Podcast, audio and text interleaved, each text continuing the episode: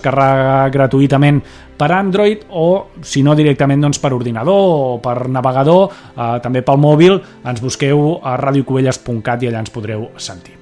Sembla que és a punt de començar aquest ple municipal. Vale, una cosa, Bé, eh, de moment encara sentíem algun detall tècnic, eh, però sembla que és a punt de començar, tan bon punt arrenqui aquest ple municipal, el podran seguir, com sempre, aquí a Ràdio Cubelles. Nosaltres, doncs, ara us deixem amb una mica de música i de seguida que arrenqui el podran seguir en directe aquest ple municipal.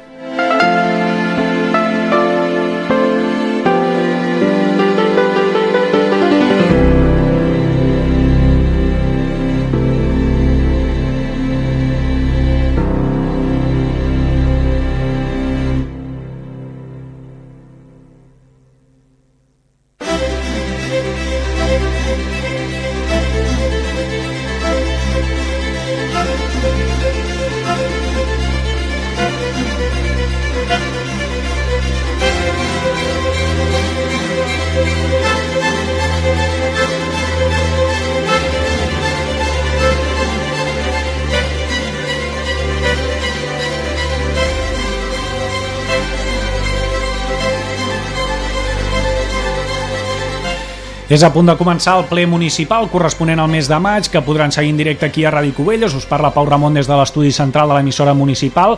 El ple d'avui es reunirà de manera telemàtica, el podran sentir en directe aquí a Ràdio Cubelles, un ple municipal on destaquen sobretot el debat sobre un codi ètic i de bon govern eh, per l'Ajuntament de Cubelles i també eh, doncs destaca el, la zona blava, la regulació de l'estacionament a la zona marítima del municipi, una zona marítima eh, formada, doncs, tal com ens va anunciar doncs, ja fa uns mesos enrere el regidor Josep Maria Hugué a Ràdio Cubelles, doncs eh, aquesta zona blava seria pel, per tots els carrers, per tota la via pública que quedaria entre la via i el mar i entre Cunit i Vilanova, és a dir, doncs, tots els barris de marítims, el barri de Mar i, i d'altres. Bé, aquest ple és a punt de començar, encara s'estan acabant de fer els ajustos tècnics perquè tots els regidors tinguin la connexió a punt, els seus micròfons a punt, perquè tot se senti bé i sembla doncs, que és gairebé a punt de començar. Bona tarda a tothom. Anem a donar inici al ple número 4 de l'any 2021, legislatura 2019-2023, en caràcter de sessió ordinària. Comencem a l'ordre del dia, aprovació d'actes, aprovació de l'acte de la sessió extraordinària del ple de data 29 d'abril de 2021. Si algú, algú vol dir alguna, alguna, ha detectat alguna errada, alguna paraula, endavant. Doncs pues anem a passar les votacions. Vots en contra?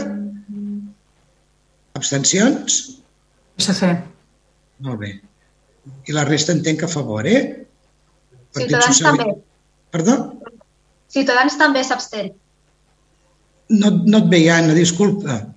No, no, no la veig. Ara, ara, val. Perdona, és que no et havia vist.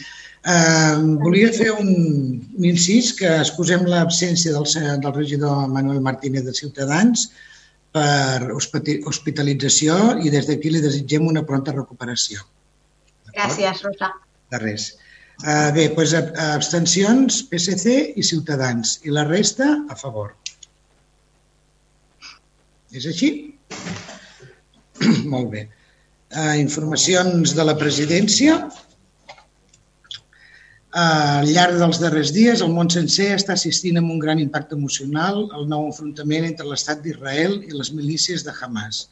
Uh, davant de l'elevat nombre de víctimes, bona part d'ells civils i d'elles, i donat el que succeeix a la franja de Gaza, un terreny equivalent en extensió com la comarca del Maresme, però on hi, viu, on hi viuen més de dos milions de persones, també és d'interès de l'Ajuntament i de la població de Cubelles. Expressem la nostra condemna contra tots els atacs civils, indefensos i manifestem el nostre desig que cessin els enfrontaments armats i que d'una vegada per totes s'assoleixi la pau i la convivència de tots els pobles implicats. Anem pel segon punt.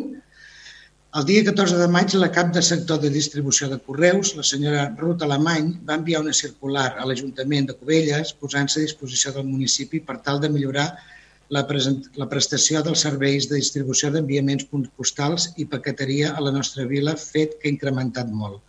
La notificació de correus, la, la clau, la qual agraïm enormement, arriba a la resposta a les diferents cartes i gestions endegades pel nostre Ajuntament reclamant millores en el servei ofert a Cubelles. Aplaudim el gest i confiem que ben aviat assolim un acord que sigui del tot beneficiós per a la població del nostre municipi. Un altre punt, amb data 3 de maig, el senyor Jaume Alcaraz, coordinador d'autors d'editorial Edafos, va expressar mitjançant una carta l'agraïment al grup d'estudis covellencs Amics del Castell i a l'Ajuntament de Cubelles pel tracte dispensat durant la presentació del llibre La Cubelles desapareguda, que va tenir lloc el dia 22 d'abril dins els actes de la Setmana Cultural. A la seva missiva, el senyor Alcázar ressalta l'entorn immillorable dels jardins de Can Travé, la curada organització i la solemnitat de l'acte en si. I per últim, des de l'Ajuntament de Cubelles volem manifestar la nostra tristesa per la mort en plena joventut de la regidora d'Esquerra Republicana a l'Ajuntament de Vilafranca del Penedès, Mònica Ill. En nom de tot el consistori, expressem el nostre condol a la família i amics i la fem extensiva a tot el poble de Vilafranca que tant estimava i pel que tant va treballar. Mai t'oblidarem, Mònica. Bé, doncs, el punt número 3 és donar compte dels decrets d'alcaldia. Vostès disposen de tots. Igualment que el número 4, donar comptes dels temes de personal. També disposen de la informació. El número 5 també. Donar compte al ple de l'informe d'intervenció, a més en compliment de l'article 218 del Reial Decret Legislatiu 2 barra 2004 del 5 de març. El número 6, també tenen vostès la informació, donar compte, informe resum anual sobre resultats de control intern exercici, exercit durant l'any 2020 i el número 7, donar compte de les aprovacions, de l'aprovació del pla pressupostari a mig termini 2022-2024. Anem per la part resolutiva. Aprovació inicial de l'establiment del Servei Públic Municipal d'Estacionament Regulat de Vehicles en limitació horària a la via pública del municipi de Cubelles, el seu reglament d'ús i el projecte, de, del projecte del seu establiment. Li dono la paraula al senyor regidor, Josep Maria Hugué, si vol fer una petita explicació. Sí, gràcies, alcaldessa. Bona tarda a tothom. Eh, els últims 15 o 20 anys, Cubelles ha tingut un gran desenvolupament urbanístic, sobretot pel que fa a la seva façana litoral, cosa que ha comportat un increment poblacional, sobretot en la temporada estival.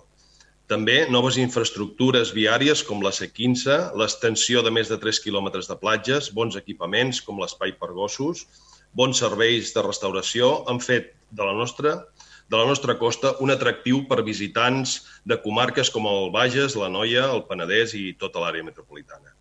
Aquest increment de població, sobretot estacional, ha fet que els darrers estius han aparegut problemes a la façana marítima, dificultats en la rotació dels aparcaments de vehicles, en la utilització de zones no habilitades per aparcar, dèficits en els serveis que s'ofereixen, que fan que l'equip de govern es plantegi estudiar la implantació d'una zona d'aparcament regulada per temps, el que coneixem com a zona blava.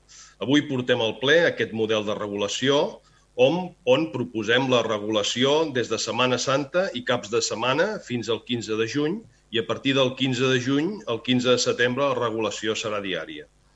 Eh, proposem fer-la des del torrent de Mas d'en Pedro, al límit d'en Cunit, fins al torrent de Santa Maria, al, al límit amb Vilanova, a les zones de les Salines, Mota de Sant Pere i, i Barri Marítim.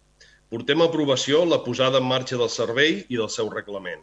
Abans, però, es va obrir un període de consulta ciutadana prèvia on s'ha constituït també una comissió tècnico-política, s'ha comptat amb una consultoria externa, s'ha parlat amb associacions de veïns, amb representants de la restauració i tenen vostès eh, doncs en la documentació, l'estudi econòmic i tots els informes tècnics preceptius favorables per l'aprovació. També s'ha considerat diferents bonificacions a partir de tot aquest treball previ en la futura tarifa per residents que paguin l'impost d'atracció mecànica Cubelles, bonificacions per les segones residències i s'han atès peticions de veïns i restauradors. Tot i amb això, aquesta implantació, que s'intentarà al màxim poder-la fer-la al llarg d'aquest estiu, al ser un servei de nova creació, estarem molt amatents a problemàtiques que puguin anar sorgint i anar adaptant aquest servei de la millor manera eh, doncs al, al llarg dels propers anys. Gràcies. Moltes gràcies, senyor Hugué. Anem pel torn de paraules. Eh, Junts per Covelles. Moltes gràcies, alcaldessa. Bona tarda a totes i a tots. Eh, des de Junts per Covelles eh, valorem positivament el que és la regulació de, de l'estacionament al nostre poble en les zones més eh, complicades, com demanaven els veïns i l'associació de veïns, que en aquest cas també doncs, felicitem l'associació de veïns eh, Nou Marítim per també la seva proactivitat en totes les coses que els impliquen i a, les, a la resta d'associacions de veïns del, del nostre poble. En tot cas, eh, sí que és veritat que nosaltres lamentem que um, això també provoqui un, una petita, com un petit cost, encara que sigui, amb els veïns de Cubelles, no? perquè doncs, si bé la taxa pels veïns de Cubelles és reduïda, eh, com demanaven també els veïns de la, de la zona, doncs volien que fos uh, gratuïta. No? Això no, no ha estat possible. Uh, nosaltres esperem que aquesta nova mesura porti més beneficis que no pas uh, que haguem de lamentar i en tot cas estarem amatents a, a la seva evolució. Nosaltres ens abstindrem en aquesta votació. Gràcies. Moltes gràcies.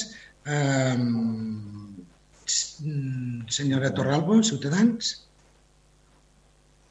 Buenas tardes, Rosa, muchas gracias. Buenas tardes a todos. Eh, desde Ciudadanos, nosotros eh, estábamos a favor de, hacer la, la, zona azul para nuestra población. De hecho, creemos que es algo positivo y necesario. Pero como, como bien ha dicho Robert, nosotros también estamos de acuerdo con él en que discrepamos en algunos de los puntos de las condiciones de este servicio, ¿no?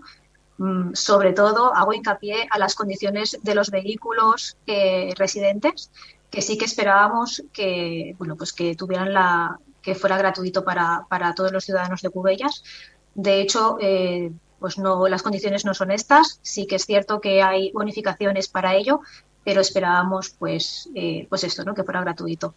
Eh, por este motivo nosotros nos abstendremos también. Gracias. Muchas gracias. PSC, senyora B2. Senyora Planes, farà la intervenció. Molt bé, senyora Planes. Hola, bona tarda. A veure, respecte a la zona blava, nosaltres tenim molts dubtes i no entenem quin és el motiu del govern per prendre aquesta decisió. Precisament aquest any, que just tenim les esperances posades en sortir de la pandèmia, que encara ens afecta i que està afectant a moltes persones, però sobretot que ha tocat especialment el petit comerç i l'hostaleria. Reconeixem al govern que inicialment semblava que hi havia una demanda d'una part de la població que es reclamava una regulació de l'estacionament i que suposem que fruit d'aquesta demanda ha sorgit aquest expedient. Fins aquí ho entenem, però creiem que s'ha tirat molt pel dret, que no s'ha escoltat prou la demanda que feien els veïns i els hostalers i que potser s'hauria d'haver frenat una mica a temps. I pensé que hi ha, hi ha altres solucions a aquest problema, com a, per exemple fer una zona verda pels residents, crear una zona gratuïta d'aparcament dissuasori, una zona d'aparcament regulat d'autocaravanes, tot dirigit a promocionar el servei de l'hostaleria de la zona i a facilitar la convivència dels veïns de la zona amb l'alta mobilitat en l'època estiuenca. Creiem que el problema d'aparcament real a la façana marítima és molt puntual. No creiem que la solució sigui hipotecar tota la fatxa marítima des de divendres sant fins al 15 de juny, tots els caps de setmana i festius, i des del 15 de juny fins al 15 de desembre tots els dies. També ens preocupa el cost de la implantació d'aquesta zona blava, perquè pensem que no serà econòmicament sostenible i que si hi ha deutes les hauran de pagar els ciutadans de Cubelles. És cert que al Prat de Vilanova s'implantarà la zona blava, amb tarifes més elevades que, que, que Cubelles, però tots els habitatges podran disposar d'un vehicle que no la pagarà, possibilitat que aquí no s'ha establert, ni pels residents de la zona, ni pels titulars de negoci d'hostaleria, ni per ningú. El que realment reclamaven els veïns era una zona verda, perquè els veïns poguessin aparcar, no una zona blava on tothom paga i creiem que l'únic afany és recaptatori. Si al final qui acabarà pagant la zona blava són els veïns de la zona, el projecte contempla que part del recaptat es quedi al barri, com també reclamen els veïns. Recordem que són uns barris amb molts dèficits als seus carrers. Tampoc creiem justificat implantar la zona blava per seleccionar el, el turista que ve a Cubelles. L'any passat es va limitar l'aparcament a la mateixa zona i això no va evitar un turisme indesitjat, sobretot pel seu incivisme continuaran deixant les escombraries a la platja i aparcaran en altres zones, traslladant el problema a altres zones de Cubelles. I a més, si la zona blava de Cubelles serà més econòmica que la del Prat, que era fins allà on aparcaven, aniran a aparcar a Cubelles perquè serà més barat, traslladant el problema al barri marítim, zones sense pàrquings dissuasoris ni veïns amb pàrquings propis. Per aquest motiu, el grup municipal del PSC s'abstindrà, perquè nosaltres no volem posar pal a les rodes, però respecte al que inicialment estava previst, s'ha modificat la franja per dinar per donar mica de respirar als hostalers, però creiem que no és suficient. Els hostalers demanaven 3 hores de franja horària pels dinars, no dos van fer una sèrie de peticions que no s'han complert. Per tant, no podem votar a favor d'una proposta que creiem que disminuirà l'afluència de clients dels restaurants de la zona, que ens portarà una despesa innecessària pels ciutadans de Cubelles i que, tal com s'ha fet, no ens aportarà cap benefici. Bona tarda. Moltes gràcies. Penso que ja ha intervingut tots els grups de l'oposició. Senyor Gué, si vol prendre la paraula. Mm. Sí, uh, bé, uh, una mica responent, una mica he pres nota de, dels arguments que cada un dels grups doncs, esgrimien per votar pràcticament en contra. No? És, és, és, una, és una abstenció, diguem-ne, eh, molt, mm, molt, molt tècnica. No? Bé, eh, la veritat és que quan parlem de cost pels veïns de Cubelles, eh, pels, pels residents, eh, jo m'agradaria recordar-los tant a Junts per Cubelles o per Partit Socialista, que vostès doncs, eh, estan al capdavant de molts municipis a Catalunya que hi ha zona blava i molt més cara que no pas aquí Cubelles i, per tant, eh, tampoc és qüestió de, de venir a, a donar-nos lliçons de, de zones blaves, però eh, bé, la veritat és que, que m'agradaria doncs, puntualitzar eh, certes coses. No? Quan parlem de, de preus abusius o de preus doncs, fora de, del que seria, eh, evidentment, els serveis mm, doncs, hi, ha, hi ha un cost eh, indirecte i directes que s'han d'assumir i, i bé, en aquest cas, eh, quan parlem doncs, de, del, dels residents, estem parlant d'una quota anual de temporada de 20 euros i d'un, un, diguem-ne, una apreciació diària de, de quota de 0,5 euros dia. Val?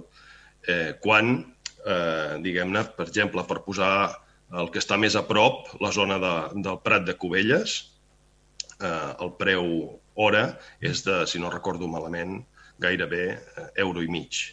No? Bé, eh, em fa gràcia aquests, aquests conceptes de que estàvem a favor, però ara mm, ja no estem tan a favor. No? Crec que en política eh, s'han de dir les coses de fit a fit i, i ser valents, no? i intentar resoldre els problemes i, i, i intentar doncs, donar la millor solució. Eh, com he dit, eh, el tema de la zona blava és, una, és un tema que eh, Covelles crec que havia d'entomar eh, i, i crec que, que prenem una bona decisió i eh, amb el tema dels restauradors. El tema dels restauradors eh, s'ha parlat amb ells, s'ha parlat amb els representants dels restauradors, ells, els que ells han, han escollit, i eh, bé, hem arribat, doncs, a, com vostès eh, deien, sí, ells demanaven tres hores, hem arribat aquest primer any eh, a dues hores, com es fa la majoria de pobles, eh? tampoc eh, estem inventant res. Val?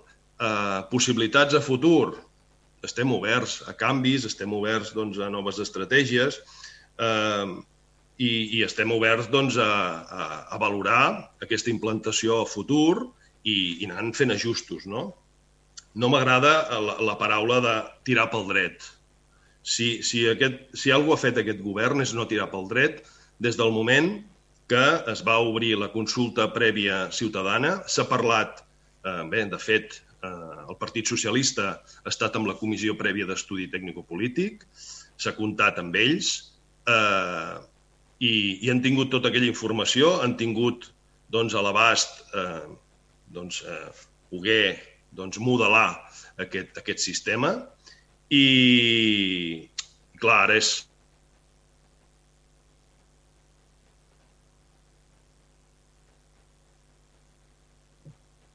S'ha quedat penjat, no?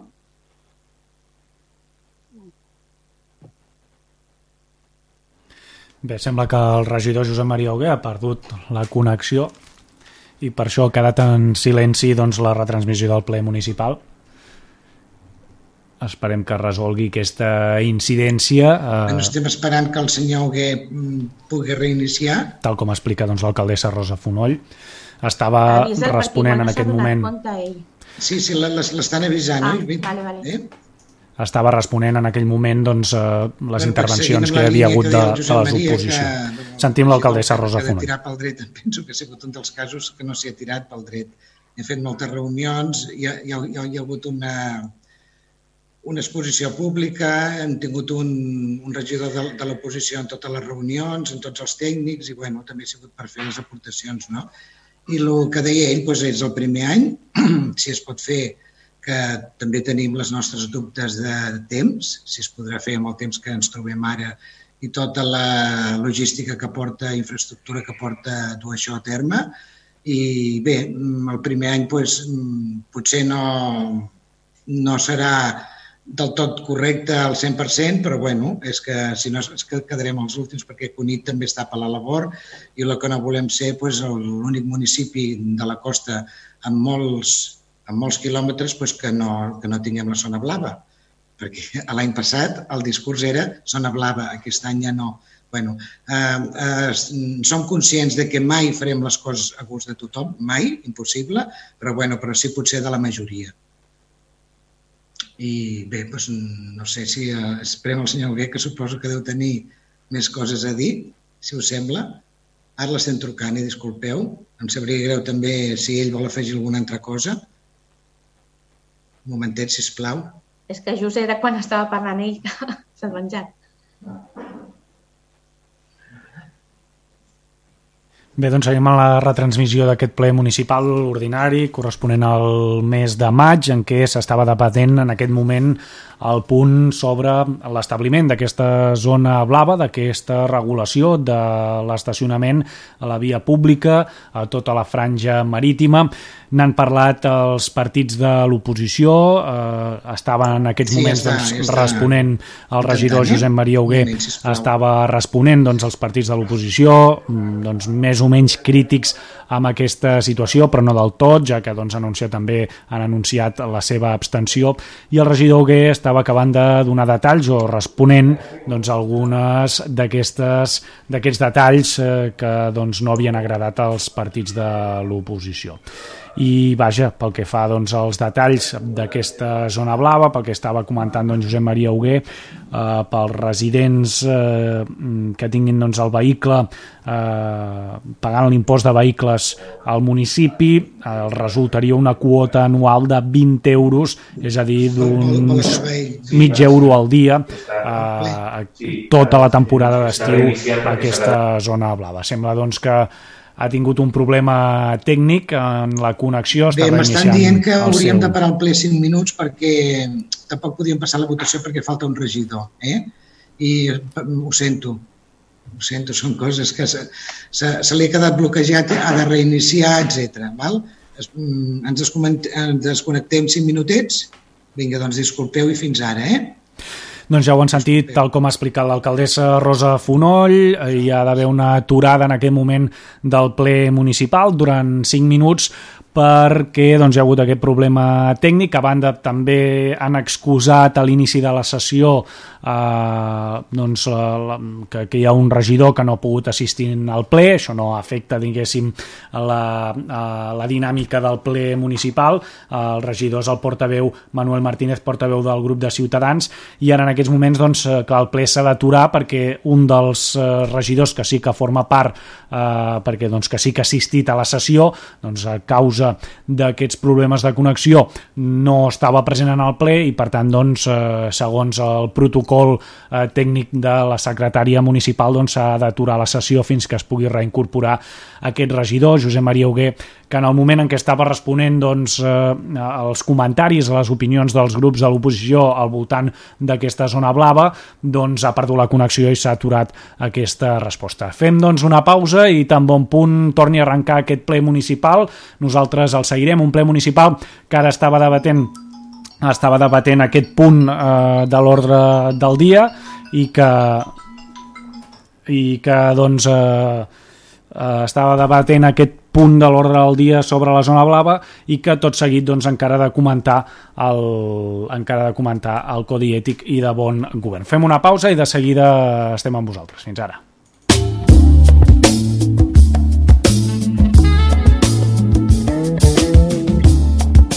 Ràdio Cubelles 107.5 FM radiocubelles.cat i els canals de ràdio de la TDT. La ràdio que ens fa sentir.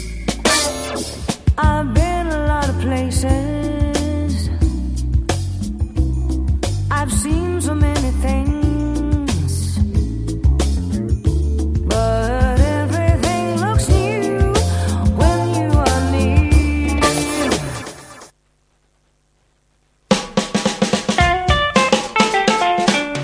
Subscriu-te al butlletí de notícies de Ràdio Cubelles i posa't al dia del que passa al teu municipi. Que no t'ho expliquin. Directament al correu electrònic, rep-lo cada dia o setmanalment. Més informació a radiocubelles.cat. He's the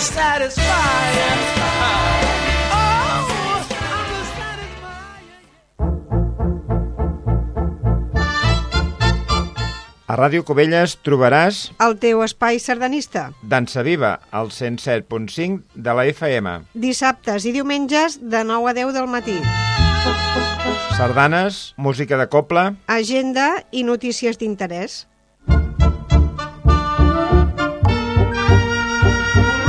Escolta la nostra música pròpia els matins del cap de setmana. I també, a la teva comoditat, el podcast de la ràdio. Dansa Viva. El teu programa sardanista a Ràdio Cubelles.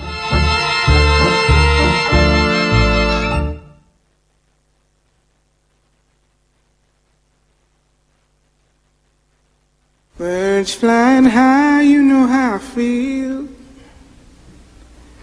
Sun in the sky, you know how I feel. Breeze drifting on by, you know how I feel. It's a new dawn, it's a new day. It's a new life for me, yeah. It's a new dawn, it's a new day. It's a new life for me. 40 anys de Ràdio Cubelles, la ràdio que ens fa sentir. I'm feeling good.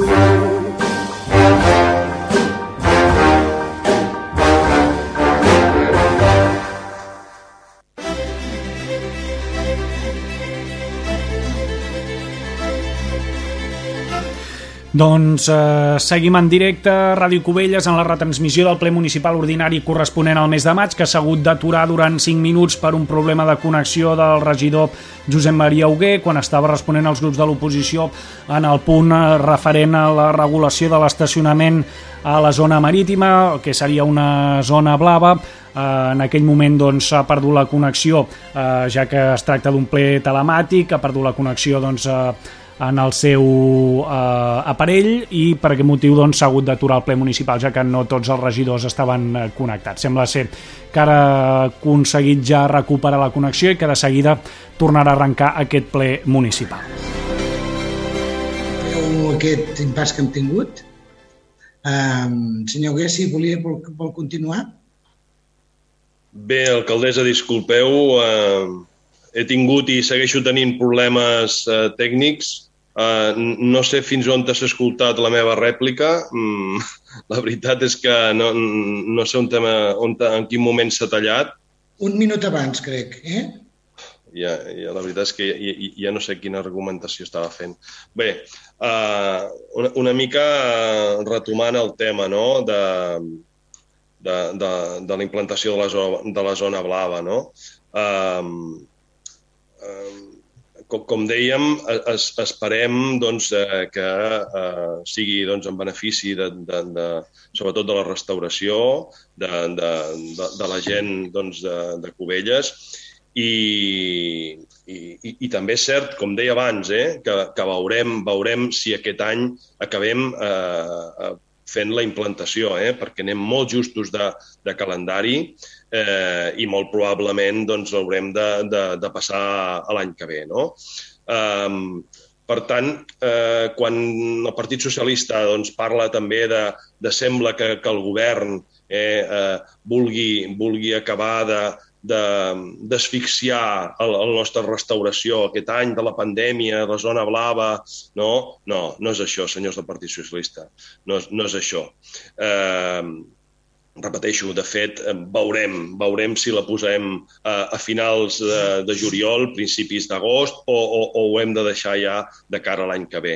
Perquè, com deia abans, no és un afany recaptatori, sinó és un afany regulador d'aparcaments i d'espais i doncs esperem que, que això, com deia, doncs que al ser un servei nou anirem valorant la, les, la, al llarg de, del temps dels possibles ajustos que es puguin fer i tot allò que puguem, que puguem fer ho anirem, ho anirem fer. Per altra banda, també dir que eh, el que es deia, no? eh, intentarem de totes totes d'intentar eh, fer eh, revertir eh, possibles ingressos que difícilment n'hi haurà, perquè, com deia, està molt ajustat, eh, en revertir en la mobilitat de, de, de la zona marítima i també amb els serveis d'aquella zona. I que som conscients doncs, que, que falta, falta una inversió, sobretot a la zona marítima, amb, amb molts de, de les aceres, dels carrers, de l'estat d'aquesta part del poble, i, i bé, i, i al cap i la fi estem parlant de, de mirar de, de, de fer una regulació de l'espai d'ús comú i que, com dèiem, esperem que en el futur doncs, eh, puguem fer els ajustos que anem veient que siguin convenients. Gràcies.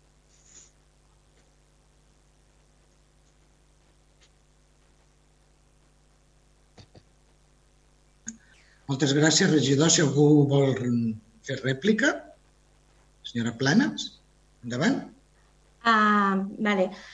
Uh, sí, uh, nosaltres sabem que, que s'ha parlat amb els restauradors, que s'ha parlat amb els veïns, però mm, jo crec que els veïns realment el que reclamaven era una zona verda, vale? tot i que li, igual reclamaven una zona blava, però realment la, la demanda era una zona verda, i per això diem que no, és que no s'ha escoltat prou bé, perquè al final ara aquí pagaran tots, sigui poc o sigui molt, justament aquest any que hi ha moltes famílies que igual doncs sí que els hi ve d'aquests 20 euros o sí que els hi ve de, o que tenen més d'un vehicle, llavors ja no són 20, són 40 o 60, vale?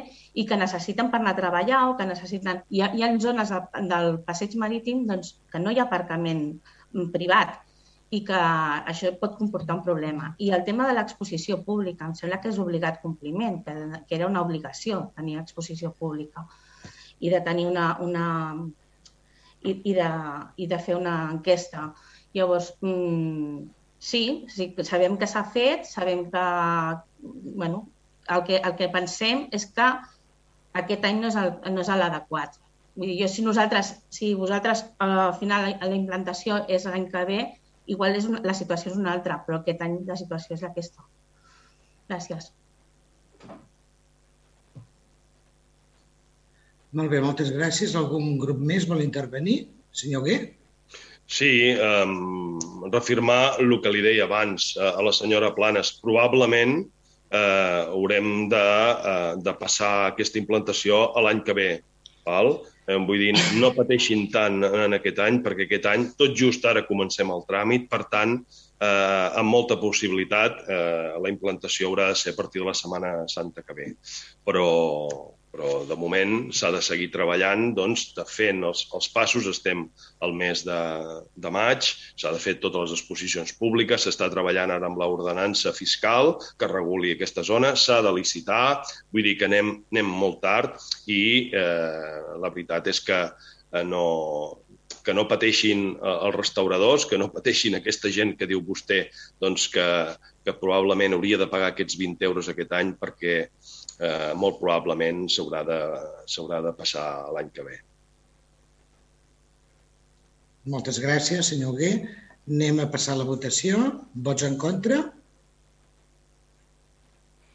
Abstencions? Junts per Covelles, Ciutadans i Partit Socialista i la resta entenc a favor. És així, eh? La proposta queda aprovada amb els 10 vots favorables corresponents als grups municipals d'Unitat Covellenca 11, Esquerra Republicana de Catalunya, En Comú Podem SG i la CUP, cap vot en contra i les 6, 6 abstencions dels grups municipals de Junts per Covelles, Ciutadans i el PSC. Molt bé, moltes gràcies, senyora secretària. Anem a pel punt número 9, el següent, que és aprovació inicial del Codi Ètic i de Conducta de l'Ajuntament de Cubelles.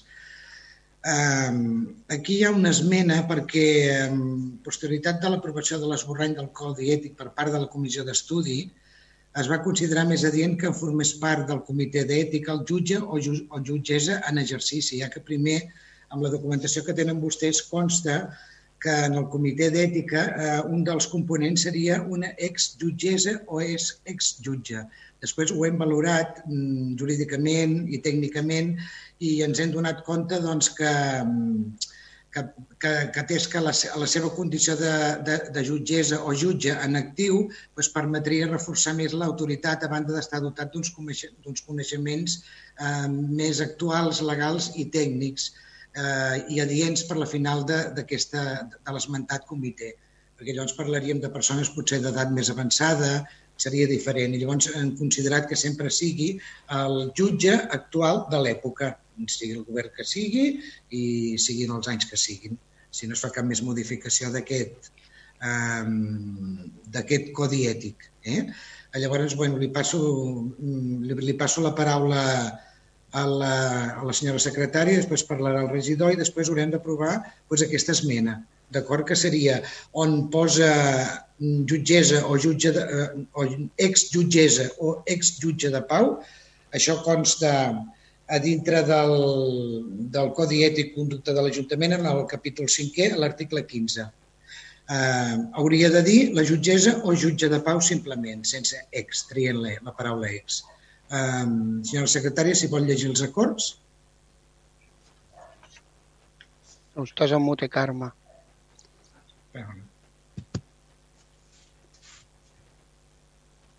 Ara. Les propostes d'acord són les següents. Primer, aprovar inicialment el Codi Ètic i de Conducta de l'Ajuntament de Cubelles, d'acord amb el text que s'incorpora al present acord, formant-ne part del mateix a tots els efectes.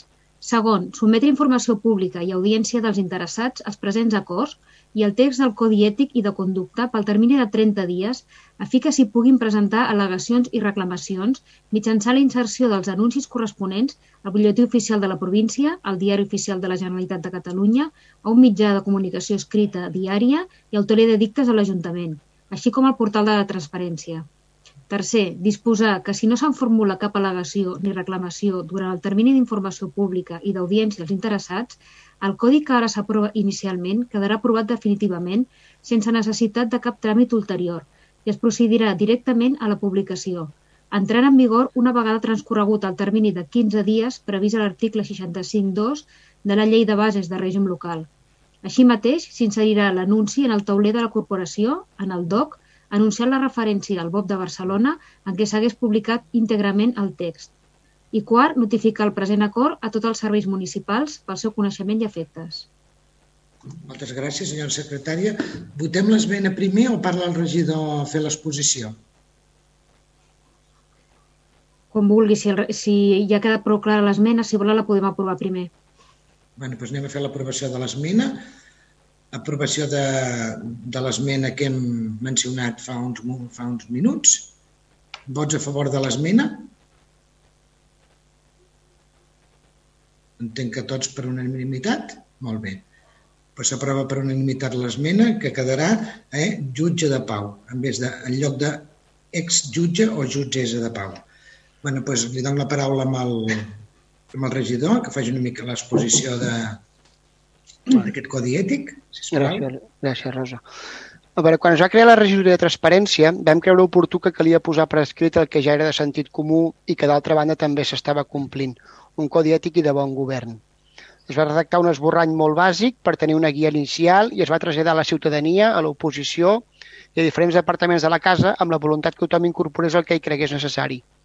Es van rebre diferents propostes molt interessants i totes d'una manera o altra, amb algun matís o, i per consens es van introduir en el document final que intentarem que s'aprovi avui.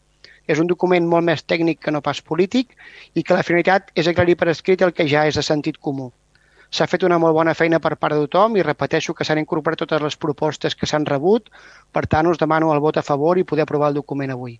Moltes gràcies. Molt bé, anem a passar el, torn de les paraules. Junts per Covelles, si vol intervenir. Uh, Senyora Torralbo. Sí, gracias, Rosa. Eh, bien, nosotros creemos que el código ético es algo que, que, ya debería tener nuestro ayuntamiento, como en casi todos los ayuntamientos. Eh, es algo que, que, va tarde, que vamos eh, incluso años tarde, es algo que se podría haber tenido ya con anterioridad, que no necesariamente tendríamos que haber esperado tener una regiduría de transparencia para poderlo haber mm, efectuado. Pero de todos modos, aquí está. Eh, hoy se trae a pleno. Yo que he estado en las reuniones previas, eh, pues he aportado las diferentes propuestas por parte de la oposición en su representación. Como bien ha dicho su regidor, pues eh, se han recogido eh, en el mismo en mayor o menor medida y, por tanto, nosotros votaremos el, a favor. Muchas gracias, señora Torralbo. Uh, Partit Socialista, intervingui. Senyor Fernández. Molt bé, senyor Fernández. Sí, jo. Gràcies, alcaldessa. Aviam, en relació al Codi Ètic i abans de res, ens agradaria fer constar que aquest mandat ve donat per la llei 19 barra 2014. Uh, sí, des del 2014 que els ens locals han sigut cridats a elaborar aquest Codi Ètic, sent avui 18 de maig del 2021, pràcticament 7 anys després. És per això que ens sembla, i així ho volem fer saber, en tant una regulació d'aquestes característiques i importàncies, eh, pensem que hagués pogut arribar abans. D'altra banda, és evident que la manca a fer o l'endarriment en aquest no obsta que el contingut que s'ha pogut debatre en comissió i que finalment ens arriba a votació siguin satisfactori. Aquest han sigut debatuts en la comissió per part de la companya Anna Torralbo, a qui volem agrair i sumant que havent incorporant, tot i que de forma mínima, les nou propostes fetes a l'oposició, si bé nosaltres mantenim i creiem que el contingut hagués pogut ser més específic i restrictiu en alguns aspectes i anar més enllà, més enllà dels mínims legals establerts, ens sembla que, com a principis bàsics de bon govern al que adherir-nos, són en aquest aspecte suficient i per això el grup municipal PSC Cubelles votarà a favor. Moltes gràcies, senyor Fernández. Uh, bé, doncs, si no hi ha cap més paraula, mm, no? Val, doncs anem a passar a la votació. Vots en contra? Entenc que no n'hi ha cap. Abstencions potser tampoc. Vots a favor? S'aprova per unanimitat? Moltes gràcies a tothom. Puc, puc demanar la paraula, Rosa? Sí. Sí? Un, un, un altre dia abans de la votació. Ah, bueno, era... era ah, ostres. Bueno, no, volia... no passa res, no passa res. Per amb el desconeixement no passa res. Ah, vale. Bueno, volia, volia donar les gràcies als regidors i als companys per l'aprovació del document, agrair la gran tasca que s'ha fet i els suggeriments que hem rebut per part de la ciutadania i dels diferents departaments, agrair a la Carme de Contractació, al Víctor de Protocol, de TIC de Comunicació, a l'Olo d'Alcaldia, a la secretària, la Carme, i sobretot a la Gemma de Serveis Jurídics per tota la curada que s'ha fet amb aquest codi ètic redactant i polint i, i, i posant comentaris. Doncs moltes gràcies a tots. Doncs ens afegim també tots les gràcies, eh? Vinga, gràcies. Bé, doncs anem a passar al punt número 10, que és aprovació de la designació de la plaça de davant de la nova biblioteca com plaça de l'Atzavara. Mm, senyora, mm, vol llegir els acords, senyora secretària, i després parla la regidora? Vinga, um, les propostes d'acord són les següents. Primer, aprovar la proposta de designació de la plaça de davant de la nova seu de la Biblioteca mossèn Joan Avinyó amb el nom de plaça Latzavara. Segon, encarregar al Departament de Protocol que organitzi un acte de designació de l'espai. I tercer, notificar aquest acord a la presidència del GEC, Amics del Castell, i a l'Arba Litoral. Molt bé. Uh, senyora Soler, si vol comentar aquest punt? Sí, molt breu perquè ja ho hem parlat, eh, va sortir a Junta de Govern local el 24 de febrer, crec, i a comissió informativa ja ho vam parlar i, i per això vam emetre aquest dictamen favorable. Eh, explicar simplement perquè la gent que ens escolta que aquest nom de l'Alçavara doncs, que forma part de, té dues vessants, una vessant cultural, que va ser una publicació del municipi de Cubelles dels anys 1976-1977, en què eh, es veia el butlletí de, de l'Aliança i aleshores doncs, que aquí tenim la, aquest record i aquesta vessant més cultural i d'altra banda doncs, ja sabem que l'alçavara a nivell ecològic és una, és una planta que va, va venir originària de Mèxic però que ja la tenim com nosaltres molt autòtona des de fa 25 anys. No? Aleshores doncs, ens va semblar doncs, que a banda de tot aquest nom tan xulo, doncs, que a, a sobre doncs, és com un nom femení, no?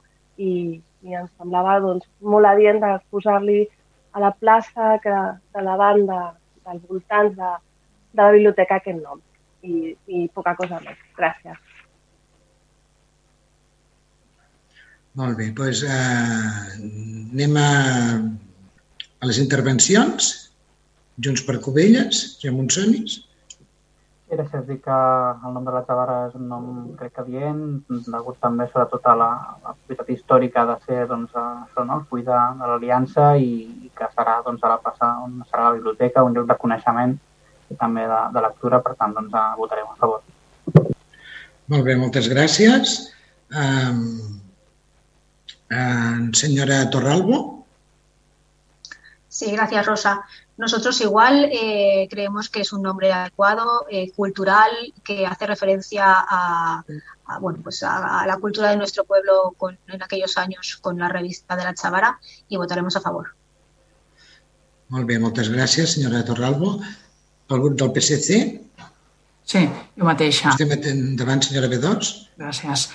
Eh, nosaltres ens abstindrem, no tenim res en contra d'aquest nom, però ens hagués agradat que s'hagués fet un procés participatiu, sobretot tenint en compte que és a la plaça de davant de la biblioteca i ens hagués agradat que els futurs, eh, els futurs usuaris, que sobretot són els alumnes actuals de les escoles i dels instituts, haguessin participat i per aquest motiu nosaltres ens abstindrem.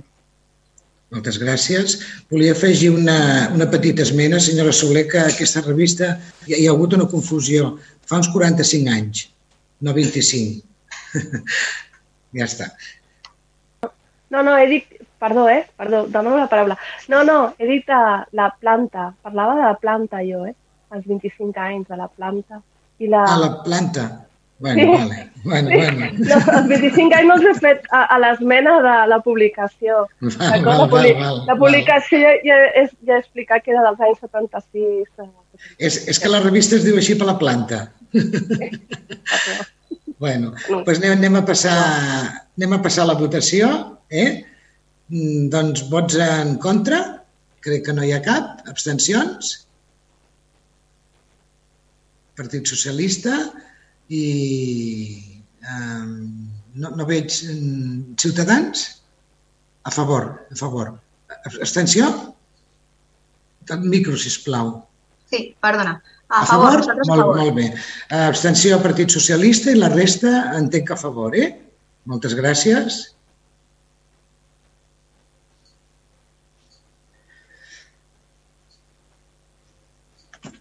Bé, doncs anem a passar... Ho té controlat, senyora secretària?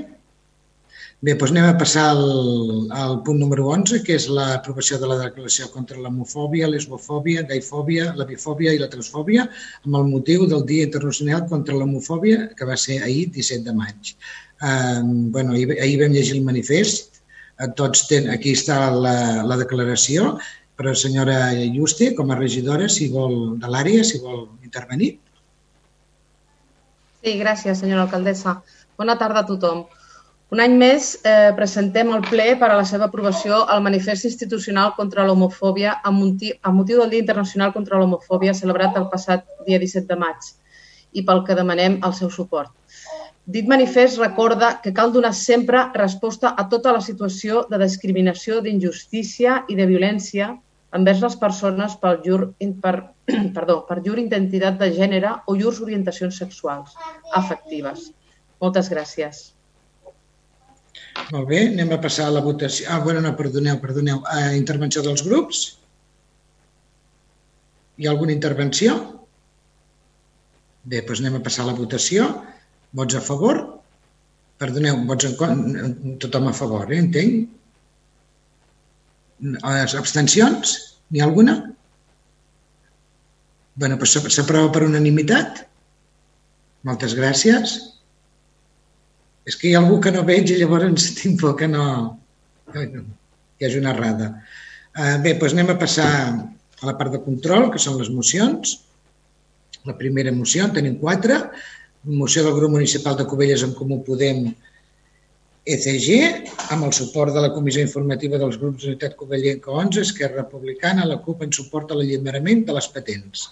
Senyor Pineda, si vol fer el, vostè la, la defensa d'aquesta moció que ha presentat. Sí.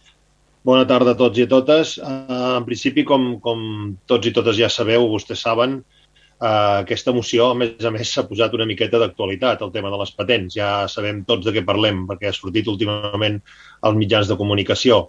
Uh, abans, però, vam aprovar-la al, al Consell Comarcal del Garraf, que ens hi vam adherir també, i creiem important també l'adhesió del nostre Ajuntament a aquesta declaració de Barcelona a favor de l'alliberament de les patents tenim eh, diferents entitats, com són Metges Sense Fronteres, Metges del Món, Oxfam Intermón, Amnistia Internacional, Medicos Mundi i diferents eh, personal sanitari que avalen també aquesta declaració.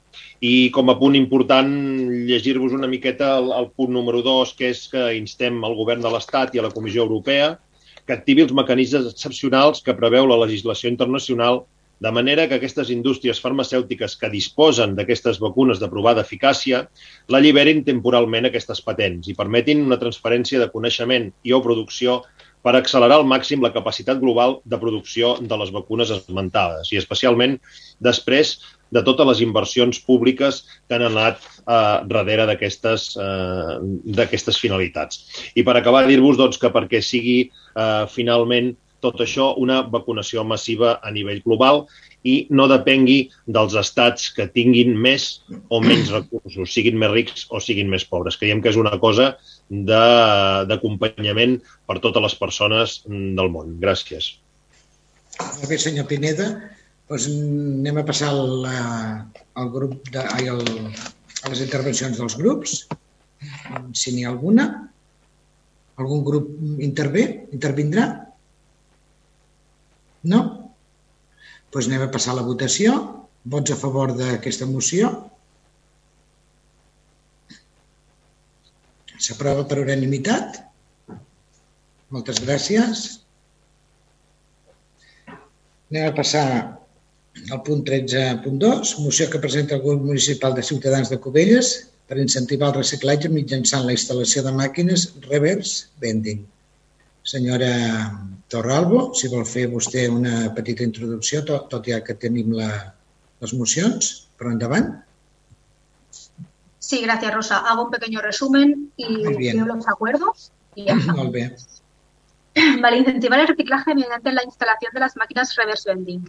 Esto es una máquina que recibe envases usados vacíos, a cambio devuelve algo útil al usuario que lo ha depositado. Es un sistema sencillo, lo cual es un aliente para fomentar el reciclaje en la mayor parte de los envases que se generan. Hasta ahora los envases eran depositados en los contenedores amarillos y venían a ser puestos en la industria como materia prima o energética, dependiendo de la correcta gestión y tratamiento de los residuos. El material de los envases aceptados es variado con este método. El cliente recibe un, incentivo en forma de dinero en metálico, cupones de descuento, premios o tarjetas de fidelización. Hay que eh, conseguir que estas empresas, organismos privados o públicos, eh, apuesten por mejorar su ISO y en relativas de los estándares del medio ambiente. Por esto, el Grupo Municipal de Cubellas propone al Ayuntamiento de Cubellas la adopción de los siguientes acuerdos. Primero, fomentar la implantación del reverse vending en nuestra población, instando a las empresas y supermercados a ofrecer este tipo de solución al reciclado de envases. Segundo, estudiar en su caso eh, participar por medio de los centros públicos dependientes de este ayuntamiento para la instalación de diversas máquinas reverse vending y tercero, instar a través de la Regiduría del Medio Ambiente para que las licitaciones y contrataciones se posibilite la incorporación de este sistema de incentivo al reciclado y hacer compatible y viable en paralelo al actual sistema de recogida y evacuación de residuos y a la deixallería. Gracias. Molt bé. Alguna paraula d'algun grup? Hi ha, hi ha alguna intervenció? Doncs anem a passar a la votació. Vots en contra?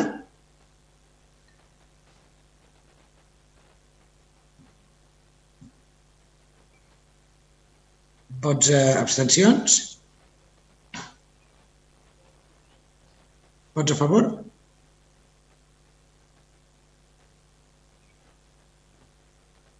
Vale, com queda, senyora secretària, la moció? La moció queda rebutjada amb els vots en contra, els 10 vots en contra dels grups municipals d'Unitat Covellenca 11, Esquerra Republicana de Catalunya, En Comú Podem, SG i la CUP, eh, i els vots a favor dels grups municipals de Ciutadans, Junts per Covelles i el PSC. Molt bé, moltes gràcies. Anem a passar per la següent moció, és la 13.3, moció del grup municipal de Ciutadans de Covelles per bonificar la instal·lació de plaques solars al nostre municipi. Senyora Torralbo, vol fer l'exposició, si plau. Gracias, Rosa. Bien, la propuesta de bonificar la instalación de placas solares en nuestro municipio eh, Bueno, el sexto programa ambiental de la Unión Europea prevé el, que el 21% de la energía que se consuma provenga de fuentes alternativas. Actualmente solo el 3% como promedio de todo el territorio europeo. Alcanzar este porcentaje del 21% de las fuentes renovables es sin duda un compromiso y una necesidad. Molt bé. El compromiso de las Ai, perdona, perdona, perdona. Perdona, perdona, pensava que havies acabado, disculpa. Disculpa, endavant, endavant. No pasa nada, gracias.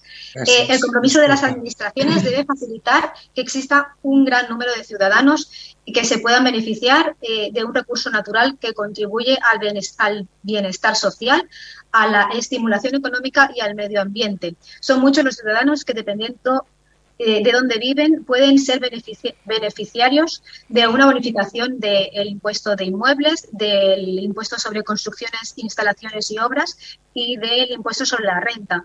En Cataluña no se cuenta con demasiadas ayudas para el autoconsumo, sin embargo, con lo que sí que cuenta son con facilidades en la tramitación de peticiones de permisos de obras para las instalaciones de estas placas solares. Cada vez son más los municipios catalanes que permiten instalar con una declaración responsable, lo que facilita y acorta los plazos de instalación. Eh, hemos hecho un listado de todos los eh, municipios de Cataluña que, lo hacen y su porcentaje en cada uno de ellos. Y paso a leer entonces ahora los acuerdos.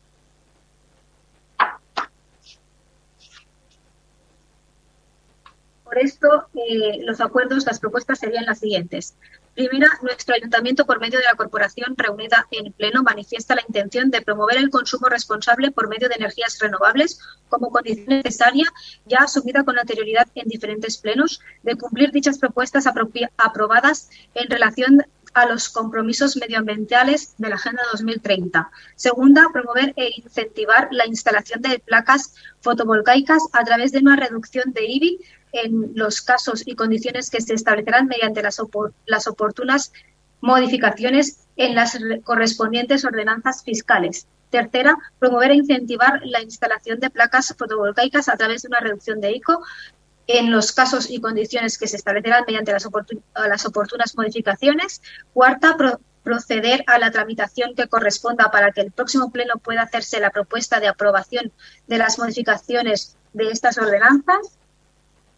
Quinta, adaptar la tramitación de las que corresponde licencia mediante la declaración responsable a cuyo fin se procederá de los, a los eh, servicios técnicos a las prevenciones administrativas que corresponda y por último dar la publicidad de estos acuerdos en los medios de comunicación dependientes de esta corporación. Vale, muchas gracias, senyora Torralbo. Al grup, al torn de les paraules, si algú vol intervenir. Ningú? Doncs anem a passar a les votacions. Vots en contra? Abstencions? Vots a favor? Molt bé. Senyor secretària, quan ho tingui.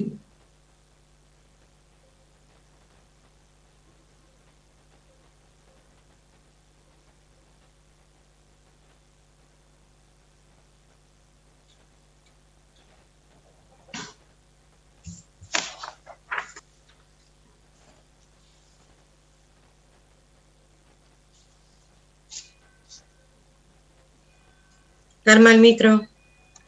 Ai, disculpeu. Um, a veure, mm, no sé si en totes les mans les he vist bé, si no, si plau em corregiu.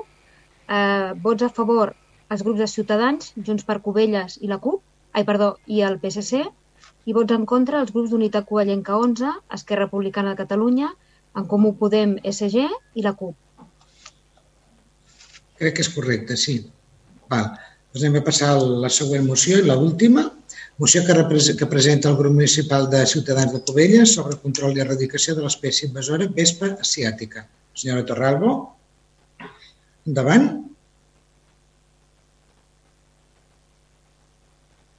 Micro.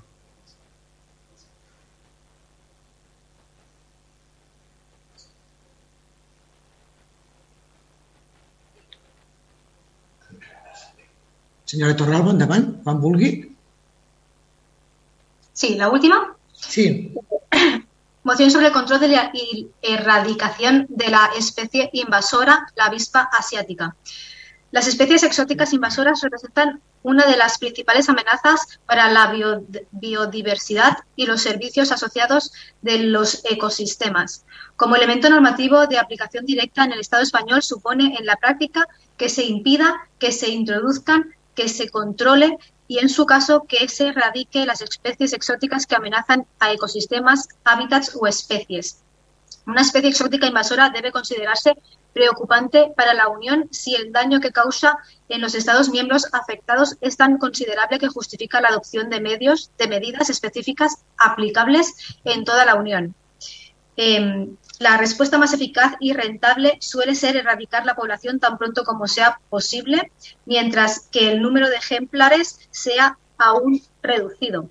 Desde el Departamento eh, bueno, mm, desde el Departamento y el Territorio y Sostenibilidad se ha solicitado dar a conocer los protocolos para minimizar estos daños. Por esto, nosotros, eh, el grupo de ciudadanos de Cubellas propone la adopción de los siguientes acuerdos. Primero, dar a conocer a la ciudadanía de todo término municipal la existencia de este insecto invasor mediante la función en medios y redes de propiedad municipal en especial la página web municipal, cuya actualización periódica mostrará trípticos, fotografías útiles a la ciudadanía y en especial a apicultores, ganaderos, agricultores y profesionales del campo que pueden elaborar más eficientemente en la erradicación del insecto invasor. Segundo, crear y difundir un protocolo de divulgación de la información y de y de aviso para que cualquier ciudadano que, que aviste este insecto invasor encuentre en los medios de una población un recurso y una respuesta adecuada a la gravedad del problema.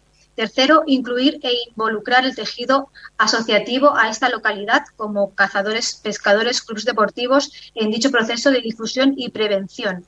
Cuarto, colaborar con los entes supralocales para la, difusión y actualización de los protocolos y experiencia práctica en el territorio y para, y para la elaboración de un censo de avistamientos, actuaciones y resultados. Quinto, dar traslado de estos acuerdos al Departamento de Territorio y Sostenibilidad. Y sexto, instar al Gobierno de España para que se involucre más en la lucha contra la introducción de las especies invasoras y facilite los medios y recursos necesarios para colaborar en esta meta y ser los entes locales la administración territorial más próxima afectada por la introducción de especies invasoras. Gràcies. Gràcies, senyora Torralba. Anem a passar a la intervenció del grup, si hi ha algú que vulgui intervenir. Anem a passar la votació. Vots en contra? Abstencions? Vots a favor? Molt bé. La secretària, penso que queda com les d'abans. Sí, la moció queda rebutjada amb els vots en contra dels grups municipals d'Unitat Covellenca 11, Esquerra Republicana de Catalunya, En Comú Podem, SG i la CUP, cap abstenció i els vots favorables dels grups municipals de Ciutadans, Junts per Covelles i el PSC. Val. Pues anem a passar el torn de pregs. Moltes gràcies a tots. Anem a passar el torn d'altres mocions. No n'hi ha. Dels pregs. Junts per Covelles. Pregs. Mm, Ciutadans, pregs. No tenim. Partit Socialista, pregs. Sí, gràcies. Molt bé, endavant. Doncs el primer prec és que pregaríem que la propera vegada que s'hagin de batejar carrers o places doncs que es facin processos participatius i que sobretot es compti amb les escoles i instituts de Cubelles. El segon prec que fem és eh, conèixer el projecte d'eliminació del port de la tèrmica. En els anteriors plens s'havien preguntat al respecte, la resposta del govern era que no tenia cap coneixement de cap projecte però ens ha sorprès veure publicat part d'aquest eh, estudi o d'aquest projecte al diari de Tarragona i també hem vist declaracions de, del senyor Huguet al respecte. Creiem i ens agradaria doncs, que aquest projecte, si el tenen, doncs, fos compartit amb l'oposició. I també voldríem saber si també hi ha algun projecte sobre els terrenys de la tèrmica, sobretot si es construiran pisos o, o què és el que es farà amb aquells terrenys. I també voldríem que, eh, com a tercer prec, voldríem demanar que dintre de les mesures, i tenint en compte que estan millorant les condicions de la pandèmia i que la majoria del col·lectiu de gent gran està vacunat, ens agradaria que es tornessin a reemprendre les, les activitats per ells. La veritat és que ha estat un any de pandèmia molt, molt dur, sobretot per a aquest col·lectiu, i tenen moltes, moltes ganes de tornar a fer activitats dins de la mesura del possible, doncs a l'aire lliure o, evidentment, complir totes les mesures de seguretat, però sí que ens agradaria que, que es reprenguessin la, les activitats. Em, em permet que li contesti la regidora de, de, de Serveis Socials respecte sí, sí, a les activitats de la gent gran? Sí, sí, tant. Gràcies, alcaldessa. Doncs eh, nosaltres eh, pensem exactament igual, eh, sabem, perquè convivim amb ells, els preguntem, estem en contacte, eh, que tenen moltes ganes i per això aquest dilluns ja començaran les activitats. Eh, crec que aquesta tarda també ha sortit la notícia i estan tots els avis que ja eh, feien aquestes activitats ja estan trucats i es farà difusió per veure, també seran tallers gratuïts, en fi, amb totes les mesures, a l'aire lliure, eh, les caminades, a més, les farem no solament un dia, sinó tota, tota la setmana i, bueno, en fi, eh, esperem que estiguin contents. Gràcies. I, i considerat que respongués perquè, bueno, perquè, perquè demà ja comencen i esperam tant de temps, així tot queda més clar tot i més actualitzat, eh? Algun Molt bé, gràcies, només coneixien. M'he deixat un prec, no sé si encara tenia temps. No, i tant, i tant que sí. Digue, digue. No, que l'últim prec és eh, que ens agradaria també que si, a més de reemprendre les activitats de la gent gran, doncs estan ja mm, organitzant activitats de festa major vinculades amb la festa major o altres festes també ens ho comuniquéssim. Sabem que ja s'estan començant a fer les contractacions per la trobada de pallassos i doncs, bueno, ens agradaria que, que això també fos compartit amb l'oposició. Gràcies. Moltes gràcies. Sí, sí, sí, endavant, senyora Soler. Gràcies, gràcies, senyora alcaldessa. Eh, la qüestió de la mostra de pallassos s'està confeccionant, ja portem molt de temps Pento, ja us, ja us ensenyarem el programa per avançar si voleu, ja com la, quan el presento davant dels meus companys. I, per altra banda, tota la qüestió de la festa major, doncs sí, de fet aquest dijous ja tenim la, la reunió de comissió de festes per veure com podem entomar i com encaixa una miqueta sobretot el tema dels balls populars, que és probablement el que més preocupa, no? perquè el fet de fer act, petits actes sí que els podrem fer, però hi estem, hi estem, i acompanyats sempre amb totes les mesures. No, gràcies, senyora Soler, li agraeixo la resposta. És més que res perquè en aquest cas concret de la mostra de pallassos doncs, bueno, hi ha un de les persones que, que estan contractades, que, que ens han comunicat que vindran i que estan molt contents i clar, ens ha sorprès que, que això no fos comunicat. Entenc que la regidoria va fent i, bueno, doncs, a més a més, avui hem signat un, el codi, hem aprovat el codi ètic i crec que una de les coses que diu és que s'informi a la posició i que ens entarem abans d'entrar-nos per la premsa. Per això era que el motiu de la, del prec. Gràcies. Bueno, però això no ha sortit a la premsa, això li ha dit algú, no? Algun sí, sí, no s'ho ha dit, m'ho ha dit un de, de les persones que estan vale, contractades, però dic que, que jo com justament una de les coses que, que hem acordat és que no ens assabentessin per la premsa, sí. si estiguem fent tot això ens agrairíem que ens ho comuniquessin amb anterioritat. Sí, el, el que sí que ha sortit a la premsa és la pregunta que ha fet abans vostè, abans que la fes vostè. Doncs no, això ho desconeixia, bé, no ho havia llegit. Molt bé. Molt bé, no passa res. Anem a la... Mm, més pre... Mm, preguntes? Anem, anem a les preguntes ara. Junts per Covelles? Uh, Ciutadans? Molt bé. Mm, Partit Socialista? Preguntes? Sí, sí gràcies. A veure, respecte a les preguntes, quan vam estar parlant amb l'Associació de Veïns de les Salines pel tema de la zona blava, ens va mostrar eh, la seva preocupació per una guixeta, coneguda habitualment com a xiringuito, que està al final del passeig de tocant a la Cunit, ells eh, el que ens diuen és que aquest xiringuito té eh, permís de bar-restaurant, no acaben d'entendre com pot ser que aquesta guixeta que no té sortida de fums tingui aquesta, aquesta qualificació. I, a més a més, pel que tenim entès, doncs, tenen una barbacoa que cuinen a l'aire lliure. No sabem quin tipus de permís tenen per poder treure una barbacoa, no sabem si tots els veïns poden treure la barbacoa i cuinar o només se li està permès als, a les persones que tinguin un permís de bar-restaurant o no saben quin tipus de permís és el que tenen aquest, aquest xiringuit. També hem vist que, voldríem preguntar, perquè hem vist que l'Ajuntament té una sèrie de contenciosos, tant pel tema de les autocaravanes, el xiringuito de l'Ona Beach, la coberta del poliesportiu, també respecte a la querella contra l'alcaldessa per part d'un regidor d'Esquerra Republicana, i el que voldríem saber és quan ha costat tots aquests eh, contenciosos a l'Ajuntament. També hem sabut que per Ràdio Covelles que s'ha encarregat un estudi per saber per què no acaba de funcionar el vòrtex. Bueno, L'últim que sabem és que sembla ser que sí que funciona amb disfuncions. Llavors el que voldríem saber és quan ha costat aquest estudi, per què aquest estudi no es va fer amb anterioritat a gastar-se tots els diners que creiem que ha estat al voltant d'un milió i mig d'euros i per si no se sabia amb anterioritat que el vòrtex no acabaria de funcionar perquè calien accions prèvies tant de l'ACA com del Consell Comarcal del Baix Penedès.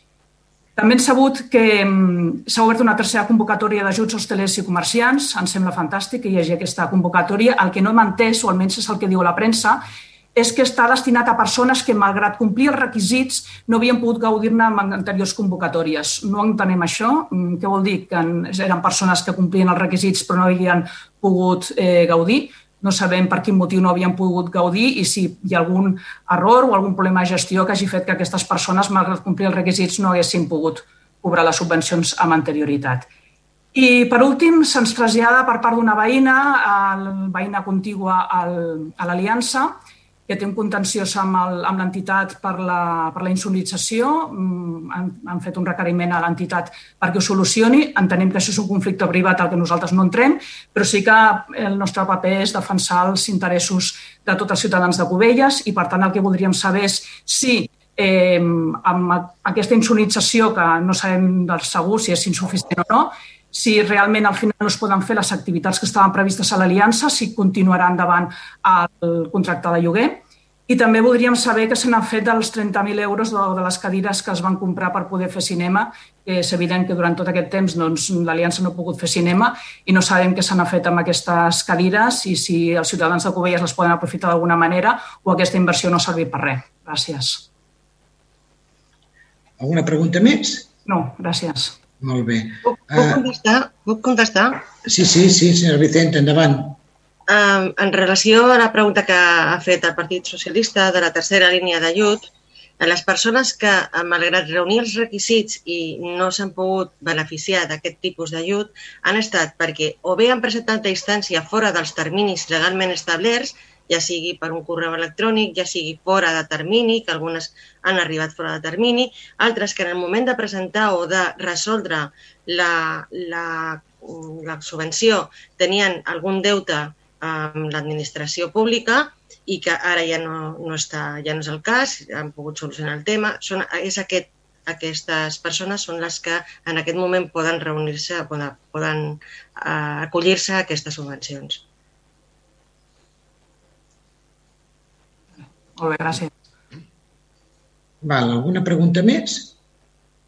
Bé, doncs si no hi ha cap més pregunta, doncs aquí donem per finalitzat el ple i bé, doncs fins al proper. Moltes gràcies per les vostres aportacions i, i bona tarda i, i, i bona nit, ja quasi bé. Bona nit. Bona nit, gràcies a tots. Eh? Bona nit. Gràcies a tots. Gràcies, bona tarda. Adéu, adéu. Gràcies, bona nit. Adéu, bona nit. Fins aquí el ple municipal ordinari corresponent al mes de maig, que ha arrencat a les 7 de la tarda. Finalment, doncs, eh, hi ha hagut una pausa d'uns 5 eh, minuts aproximadament eh, a causa de problemes en la connexió d'un dels regidors de la corporació, però finalment s'ha resolt i ha tirat endavant. Anem a fer un resum del més destacat d'aquest ple municipal. Què s'ha aprovat? Doncs, per exemple, s'ha aprovat l'establiment del Servei Públic Municipal d'Estacionament Regulat de Vehicles amb limitació horària a la via pública amb aquest nom també ho podríem resumir com a zona blava, que està prevista, tal com ha explicat el regidor Josep Maria Huguer, de la Via al Mar i de Cunit fins a Vilanova, tots els carrers i barris que queden englobats en aquesta zona. Arrencaria per Setmana Santa durant els caps de setmana fins al 15 de juny i del 15 de juny endavant seria diari. Uh, també s'ha parlat de les bonificacions que tindrien els veïns que tinguin uh, registrat l'impost de vehicles en el municipi, a l'Ajuntament de Cubelles. Finalment aquest punt ha estat aprovat amb els vots a favor del govern municipal i les abstencions de l'oposició, per tant no ha comptat en cap vot en contra, malgrat que l'oposició sí que hi havia alguns detalls que no acabaven de veure clars. També ha quedat aprovat en aquest cas per unanimitat el Codi Ètic i de Conducta de l'Ajuntament de Cubelles. També s'ha aprovat en aquest cas amb l'única abstenció del PSC, la designació del de, eh, el nom de l'Atzavara a la plaça que quedi davant de la Biblioteca Nova, també tirat endavant el manifest que s'ha llegit aquest dilluns a la tarda amb motiu del Dia Internacional contra l'Homofòbia el 17 de maig, en aquest cas amb el suport unànime.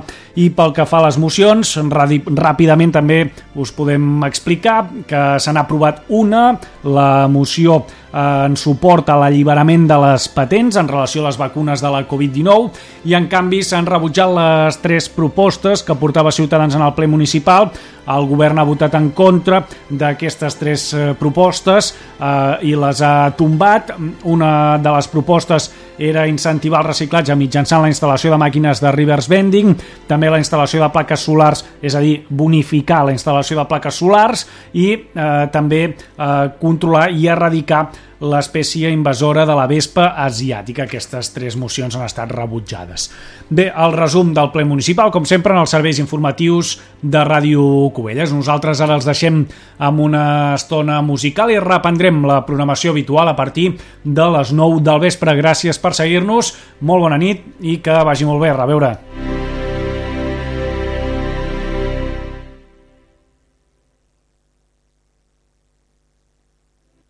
Birds flying high, you know how I feel. Sun in the sky, you know how I feel. Breeze drifting on by, you know how I feel. It's a new dawn, it's a new day. It's a new life for me, yeah. It's a new dawn, it's a new day. 40 anys de Ràdio Cubelles, la ràdio que ens fa sentir. And I'm feeling good.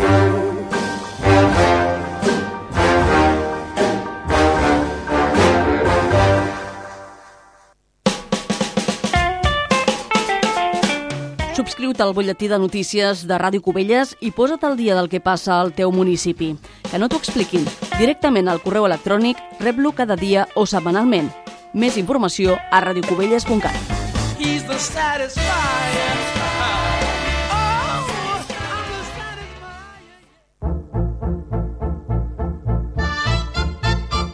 A Ràdio Cubelles trobaràs... El teu espai sardanista. Dansa Viva, al 107.5 de la FM. Dissabtes i diumenges de 9 a 10 del matí.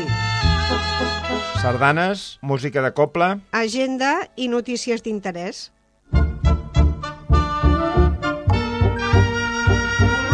Escolta la nostra música pròpia els matins del cap de setmana. I també, a la teva comoditat, el podcast de la ràdio.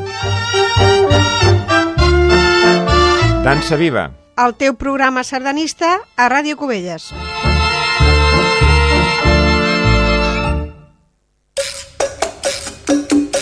Ràdio Cubelles. 107.5 FM i www.radiocubelles.cat.